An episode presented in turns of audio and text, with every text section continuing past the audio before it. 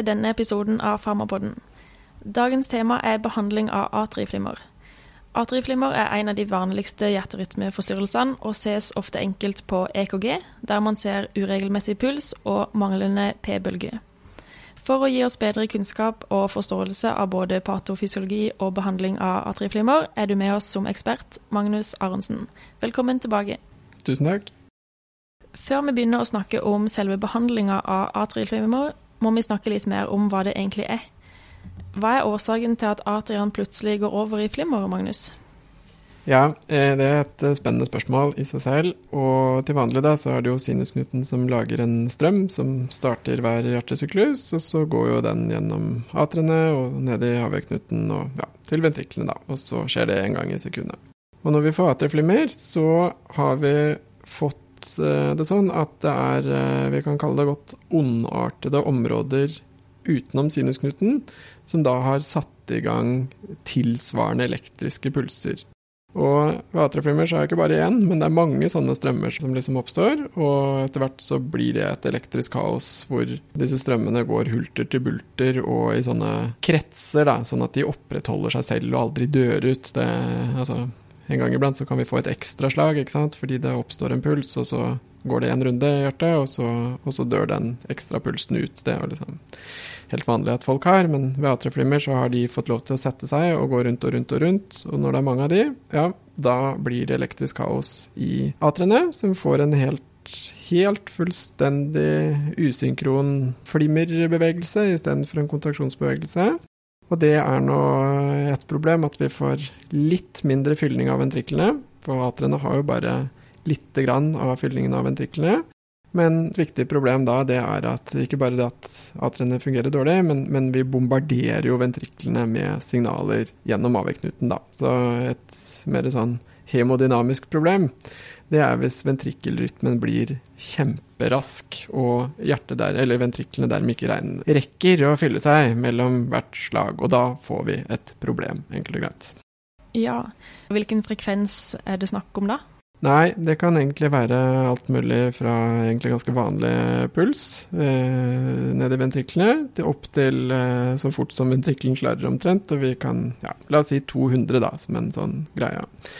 Og da er også et poeng her er at dette blir veldig uregelmessig. Vanlig sinusknute så har vi jo nesten helt regelmessig puls, ikke sant. Mens her så snakker vi ofte eh, rask puls, da, og den er helt uregelmessig, for det er helt bingo bango når en puls går fra ateret og ned i ventrikkelen. Er det først og fremst eh, uregelmessig puls personen kjenner som symptom på atrieflimmer?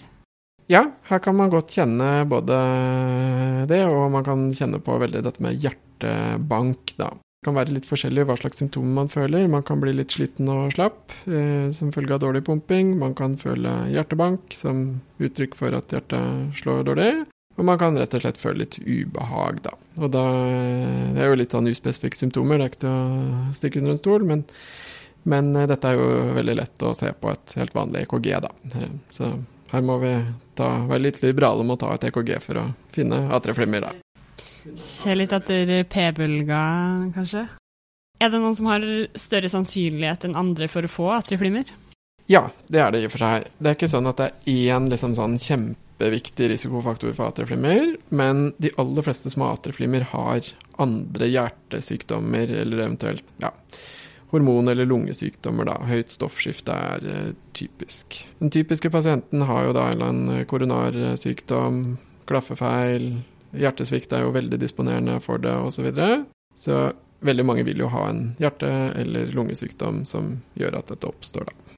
Hvis personen først har fått eh, atrieflimmer, er da tilstanden permanent, eller kan man ha enkeltepisoder med flimmer? Veldig bra. Eh, nei, eh, atrianfall det er ofte, i hvert fall i begynnelsen, anfall. Så man liksom får et anfall med atrieflimmer, eller en kortere eller lengre periode hvor atriet flimrer, og så går det tilbake igjen til normalt, da. Og eh, det motsatte, altså typisk da, så kan dette også bli kronifisert, sånn at du får stadig hyppigere anfall, og til slutt så, ja, så har du egentlig atrieflimmer hele tiden, da. Og for noen så kan man gå fra disse anfallene over i mer permanent atreflimmer, og andre så, ja, så stopper det med anfallene, da. Så det er upredikerbart, eh, egentlig. Da vet vi litt mer om selve tilstanden atriflimmer. Vi vet at det er i sinus og aveknuden det skjer. Vi går videre til behandlinga, men først må tilstanden behandles. Hva er det som skjer hvis atrieflimmer ikke behandles? Ja, det er et godt spørsmål. Atrieflimmer er faktisk en litt farlig sykdom, på den måten at eh, hvis man ikke behandler det, så, så, har man økt risiko for død. Altså. Og de to viktige tingene, kan jeg kanskje si, det er at atrieflimmer det gir veldig mye høyere risiko for eh, blodpropper. Pga. denne turbulente blodstrømmen som oppstår da. Så blodpropp er en stort problem ved atrieflimmer og gjør at pasientene får hjerneslag. Så det er en viktig ting å behandle. Og Det andre er da at hvis atrieflimmeren får gå for raskt, så får vi rett og slett dårligere hjertepumpefunksjon. Det kan gi akutt hjertesvikt i verste fall, da. Mm. Så atrieflimmer må, eller i hvert fall bør, behandles. Har vi noen sentrale prinsipper for behandling? Ja, jeg tror jeg sier at vi har to eller tre helt sentrale prinsipper. Og det første er at vi må iallfall tenke på, og stort sett alltid behandle med antikoagulasjon for å motvirke blodpropprisikoen. Det er det ene. Og det andre er jo at vi må da ta stilling til om vi skal behandle hjertets rytme eller hjertets frekvens, som én eller to prinsipper, avhengig av hvordan vi ser det da. Og helt kort, da, vi kommer vel tilbake igjen til det, så er rytmekontroll, som det heter, det er at vi prøver å gå fra atrieflimmer og tilbake igjen til sinusrytme. Og det andre da, det blir jo frekvenskontroll, altså at vi prøver å holde ventrikkelfrekvensen nede, da. Selv om vi har atrieflimmer, at vi begrenser hvor mange av de der kaotiske signalene som får lov til å komme ned til ateret. Først da antikoagulasjon, eh, altså det som hindrer koagulasjon av blodet. Ikke det samme som platehemmere. Som du, Magnus, nevnte tidligere, så er det fare for dannelse av tromber eh, når atriene står og flimrer. Vi har i hovedsak to typer antikoagulasjon. Marwan, som er blitt brukt en årrekke, og NOAC, som er av nyere dato. Eh, først hvordan virker NOAC? NOAC, eller DOAC, som eh, den gang iblant ble kalt, så eh, gir det en hemming av eh, da faktor 10, eller faktor 2, altså trombin, i koagulasjonskaskaden. Og det som i stor grad skiller dette da fra Maravan eller Varferin, det er at disse virker ganske selektivt da på sentrale punktene i koagulasjonskaskaden, da, kan vi godt si. Og da er det jo eh, ulike medikamenter av de, og vi kan jo da er, Man får to pedagogiske knep i ett her, kanskje. Eh, det er at de som har XA i seg, altså 10A, da de som virker på faktor 10 Ikke at dette er så farlig, men hvis du ser Apixaban eller Endoxaban eh, som to eksempler, XA Ok, faktor 10A, så vet du for det første at de virker på faktor 10A, og det andre, du vet at det er en NOAC eller DOAC. Eh, og så har du en annen da, som virker på faktor 2 og hindrer at vi får dannet eh, fibrin da, fra fibrinogram. Jeg elsker sånne huskeregler. Det gjør det, det så mye mer oversiktlig enn litt sånn kaotisk og detaljert eh, farmakologiverden. Eh, men er det noe spesielt eh, som det er viktig at vi husker på angående NOAC? Nei, disse hemmer jo koagulasjonen, og det er jo det vi vil oppnå. Og det gjør de, så det er supert. Men det er jo greit å huske da at eh, når vi senker eh, pasientens koagulasjon, så vil det jo alltid være en risiko for den motsatte effekten, altså blødning, da. Og da er det jo greit å eh, være obs på for det første da pasienter som har stor blødningsrisiko, og det andre er jo hvis man overdoserer pasienten, da. Kan alle bruke NOAC eller DOAC? I hovedsak ja, men to grupper som vi skal uh, virkelig huske på. Og det er uh, de som har en sånn mekanisk klaffeprotese. Da er det bare rett og slett no go å bruke disse. Da går vi for varfarin hvis vi må antikoagulere. Og så gjelder det å huske på at uh, gravide så er jo ikke dette testet ut i særlig grad, så, så her vi, her må vi tenke på andre medikamenter dersom vi skal drive antikoagulasjon, da. Da er jo heparin eh, et uh, naturlig valg, da, kan vi godt si. Men hvorfor er det egentlig sånn at de med mekanisk klaffeprotese ikke skal ha NOAC? Vet du hva? Det vet jeg ikke, rett og slett. så jeg har fått spørsmålet før og lovet at jeg skal slå det opp. Og jeg har fortsatt ikke helt kommet til bunns i det. Så det håper jeg noen kan hjelpe oss med, rett og slett.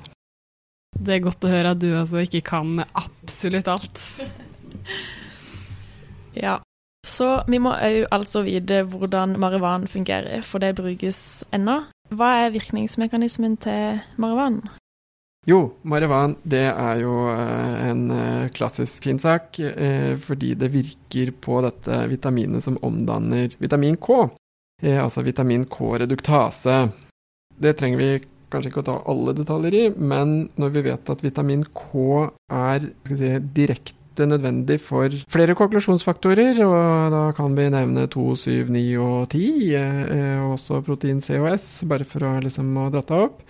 Eh, så skjønner vi da at her vil det at vi mister vitamin K-funksjonen i mange av disse faktorene, koagulasjonsfaktorene, pga. marihuan, som da eh, gjør at vi mister dette, så får vi en ganske bred og litt uspesifikk virkning på koagulasjonssystemet, da, som samlet sett gir denne mindre evnen til koagulasjon da, som vitamin K gjør. Så eh, vitamin K, eller det å hemme det da, med marihuan, det virker på mange faktorer, og eh, altså NOAC-DOAC det virker bare på, helt spesifikt på de viktige, da. Så det er liksom en sånn sammenligning mellom de to.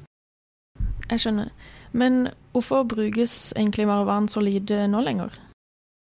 Nei, det ble jo veldig mye brukt før, for det var det eneste alternativet. Det. Og når jeg hadde min siste eksamen på studiet, så satt jeg og pugga som bare det.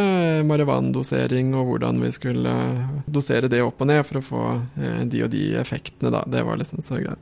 Men det illustrerer jo egentlig at det er et ganske kronglete medikament å bruke, på den måten at pasienten må til hyppige kontroller, dosene må ofte justeres, og det er ikke minst ganske mye sånne farmakologiske interaksjoner både med matvarer, for det er jo vitamin K eh, betinget, og det er mange legemidler som påvirker det. Så det er rett og slett eh, kronglete og tungt å bruke sånn rent praktisk, da. Vi er takknemlige for eh, de nye Noakene. Men er det noen fordeler med marihuana framfor Noacan? Ja, hvis man en gang iblant man nå lurer på om pasienten tar medisinen, det kan jo hende at det er en greie, så kan man jo faktisk måle legemiddeleffekten da med varfarin. Så det er jo kanskje én ting. Men um, en annen ting er jo at, at det er veldig veletablert vel, uh, det å, med antidot. Altså la oss si at man nå får en overdose av varfarin, så er det jo veldig greit å gi vitamin K, fordi at da motvirker man jo overdoseringen av varfarin, da. Det der er nok litt mindre et argument mot Noak og Doak, har da vært at det ikke er gode antidotter mot disse behandlingene. Så det har liksom vært en, si, en sånn liten ting å ha med i hodet en god stund nå. Men, men, dette løser seg jo også delvis ved at det nå kommer antidotter, og fins antidotter da, for eh, enkelte av Noakene og Doakene. Da. Så det er jo én ting å si. Og så kan vi også poengtere da at glemmer man én dose, så er nok kanskje marihuana litt mindre eh, utslagsgivende enn hvis man glemmer en Noak eller Doak, da. Du sa, Magnus, at alle med atriflimmer må behandles, eh, men skal alle behandles med antikoagulasjon? Eh, ja og nei. Ja som i at jo da, det er absolutt hovedregelen, men nei som i at det er enkelte tilfeller hvor vi ikke skal bruke antikoagulasjon. Og da vil jeg bare slå et slag for denne veldig fine scoren, eller skalaen, som er litt vanskelig å, å si, men Shad-Vask, og så er det jo noe totall inne der også, score. Det er veldig, veldig veldig sentralt her, at man gjør en sånn scoring av Shad-Vask-score, da. Jeg skal ikke ta alle parameterne her nå, men der er det jo en god forkortelse med hjertesvikt og hypertensjon og diabetes osv., som da gir til sammen Forbokstavene gir da Shadvask.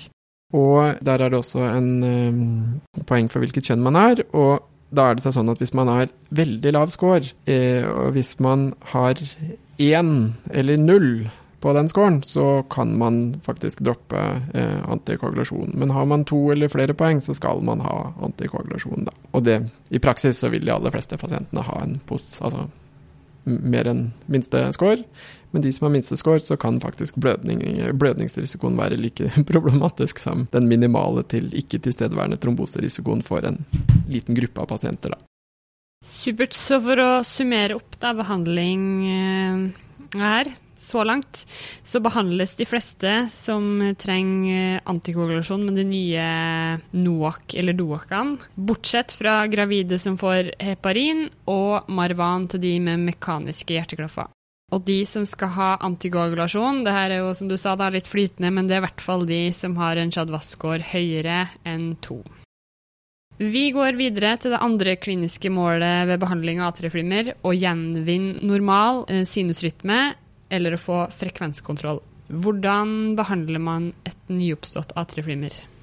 Nei, målet med eller behandlingen ved nyoppstått atrieflimmer, det er å få elektrokonvertering, da, eller rytmekontroll som det heter, sånn at vi går tilbake igjen til sinusrytme. Og det kan vi gjøre på to måter. Vi kan gjøre det på, med hjelp av elektrosjokk, eh, konvertering, elektrokonvertering, eller så kan vi bruke medikamenter, da. Og da er det jo sånn at eh, elektrokonvertering, det, da må man jo i litt eh, lett narkose, så det er jo en greie man må gjennom. Og så får man et sjokk da med en bestemt protokoll. Og da er jo clouet at vi gir hjertet et lite sjokk, og så nullstiller vi i teorien da alle slemme, ondartede elektriske stemmer som ikke bør være der. Hjertet stopper opp bitte lite grann, og så håper vi at vi får sinusrytme tilbake igjen når hjertet da igjen blår, da. Dette vil jo da eh, behandle den akutte episoden, men vi vil jo ikke klare da å forebygge fremtidige anfall med det, og da må vi jo over på eh, eventuell medikamentell behandling da, for å eh, forebygge fremtidige anfall hvis vi får til å konvertere pasienten, da. Ja, men kan alle pasienter få elektrokonvertering med en gang? Ja, Det er bra at du spør om. Her er det en viktig ting at vi først og fremst eh, kan behandle pasienter som har nyoppstått atrieflimmer, og da med mindre enn 48 timer siden det startet. Så har det gått mer enn 48 timer, oh, ja, da skal man eh, ha eh, noen annen behandling først. Og hva er den andre behandlingen først da? Jo, det er at man må faktisk ha antikoagulasjon hvis man skal prøve å konvertere pasienten hvis det har gått mer enn 48 timer. Og grunnen til dette er at ja, over 48 timer så kan vi få bygget opp noen litt uh, uheldige blodpropper i hjertet, og prøver vi da å konvertere når den har kommet, liksom, ja, det blir ikke bra for pasienten hvis det løsner en stor fin fin blodpropp som følge av konverteringen. Så 48 timer er en magisk grense her, vær litt eh, nøye på det. Og så lurer mange på om det gjelder både elektrisk og um, farmakologisk eh, konvertering, og det gjør det. Så, så 48-timersregelen gjelder både hvis man skal behandle med elektrokonvertering og farmakologisk behandling. Ja, eh, denne medikamentelle konverteringa, hvilke legemidler bruker man da?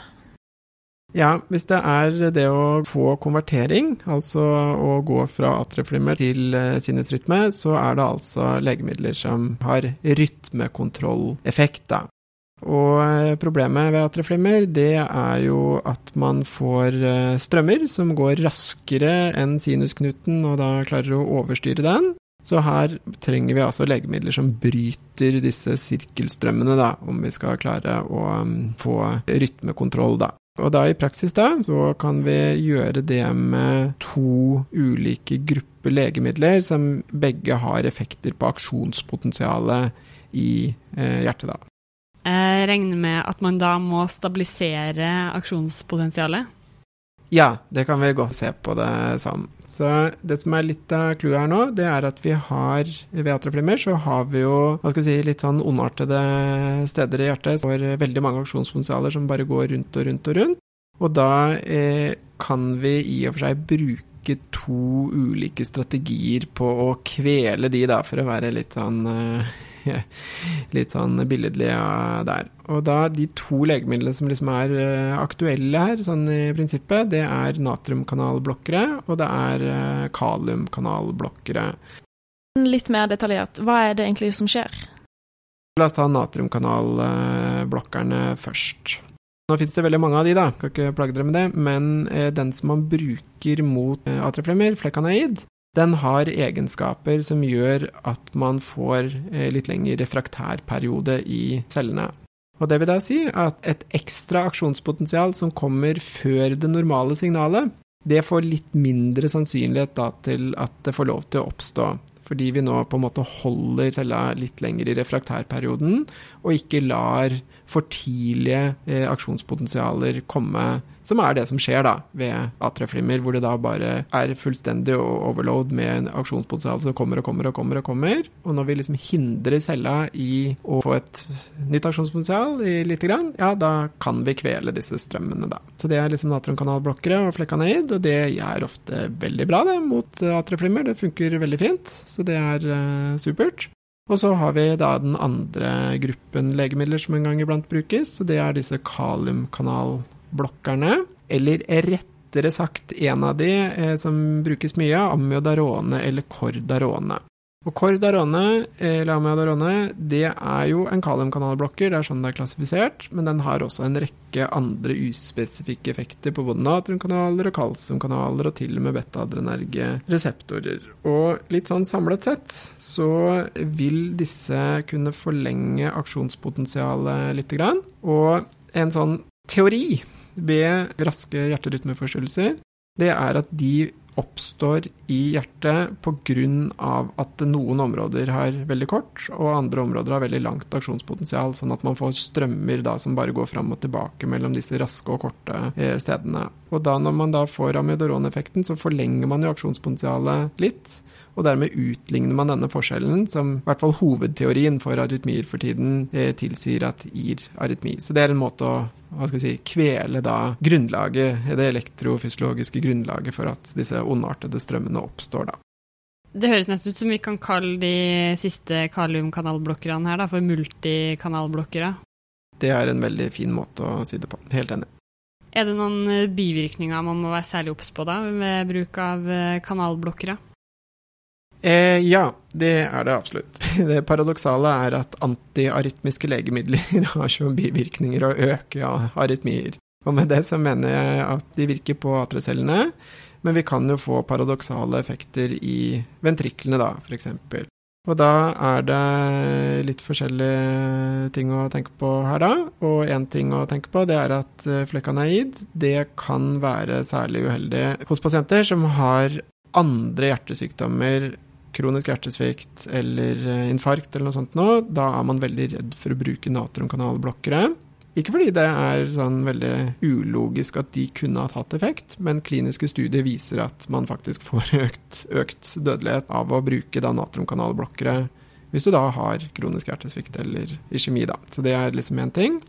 Og det andre er at uh, pasienter som tar Cordarone og Medorone over uh, litt tid, de kan jo da få ulike arytmier som bivirkning, men også en utrolig stor mengde andre bivirkninger fordi de både påvirker tyroidia, og de bindes opp i vev, man får fototoksisitet og mye rart som følge av langtidsbivirkning av Amidarone.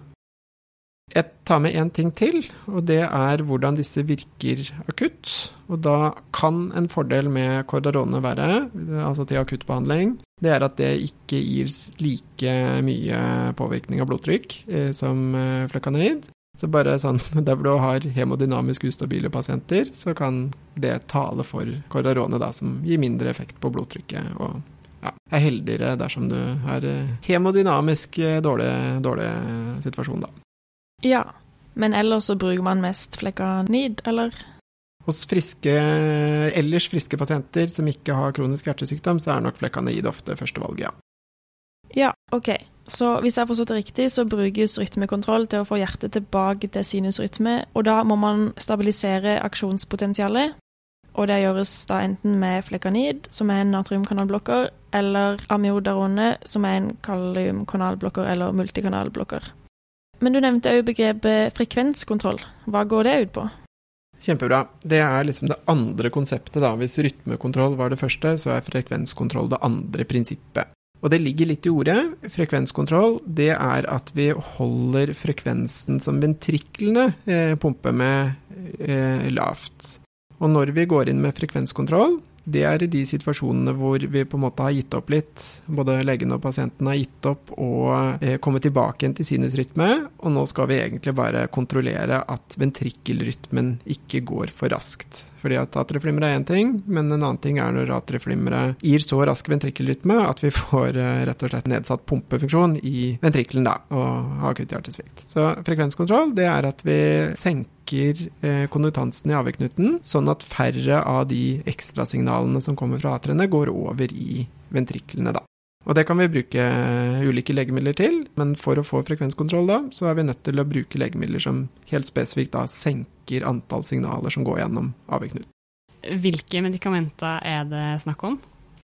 Eh, jo, det er egentlig tre ulike legemidler. Det er legemidler som blokkerer sympatikus, som normalt sett øker kondonansen, og da er det jo betablokkere som er det typiske. Motsatt så er det legemidler som aktiverer parasympatikus, og det er jo et veldig morsomt legemiddel, eh, nemlig eh, Digitalis, som faktisk har sin hovedvirkning at man eh, aktiverer parasympatikus. Og den tredje og siste tingen er å påvirke elektrofysiologien i AV-knuten direkte, nemlig ved hjelp av kalsiumkanalblokkere. Da. Alle de tre legemidlene vil da senke kondutansen gjennom AV-knuten. Hvordan velger man hvem som skal få de ulike, enten en kalsiumkanalblokker eller en betablokker?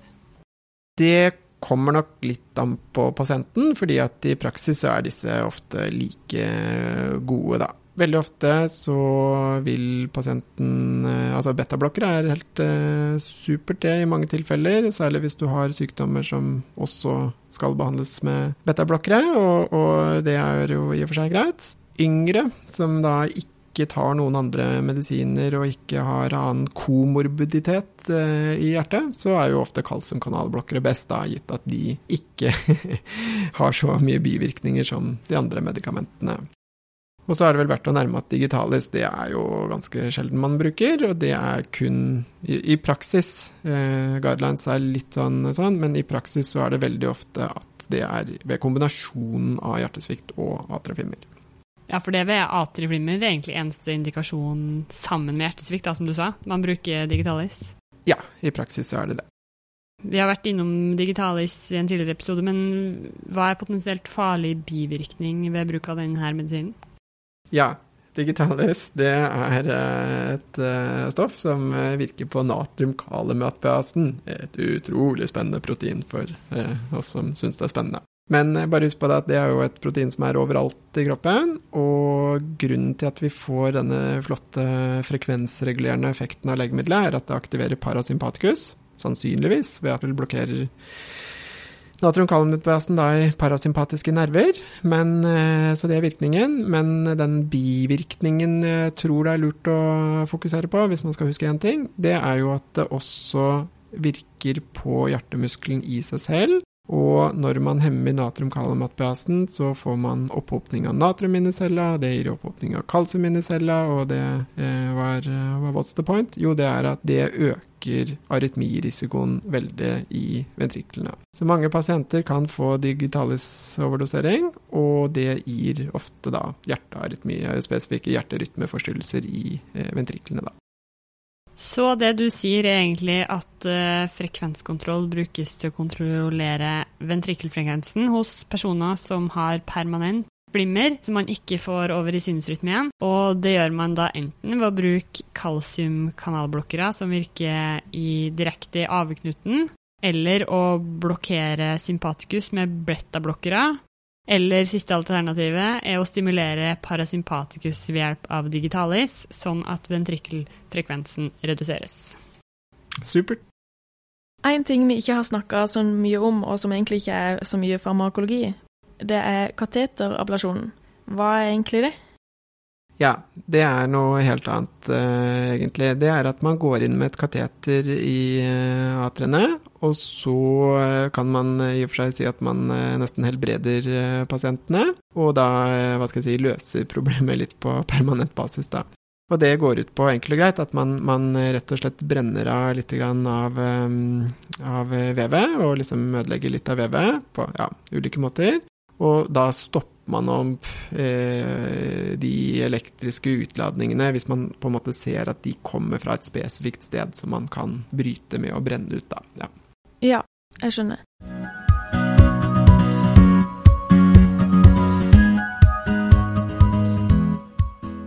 Da har vi kommet til veis ende, og er du klar for eksamen, Malin? Man blir aldri klar for eksamen, jeg blir i hvert fall ikke det, men eh, vi får prøve. Det er sant. Eh, men helt kort med egne ord, hvordan behandles A3-flimmer? Det var tre viktige prinsipper her. Antikoagulasjon var det første.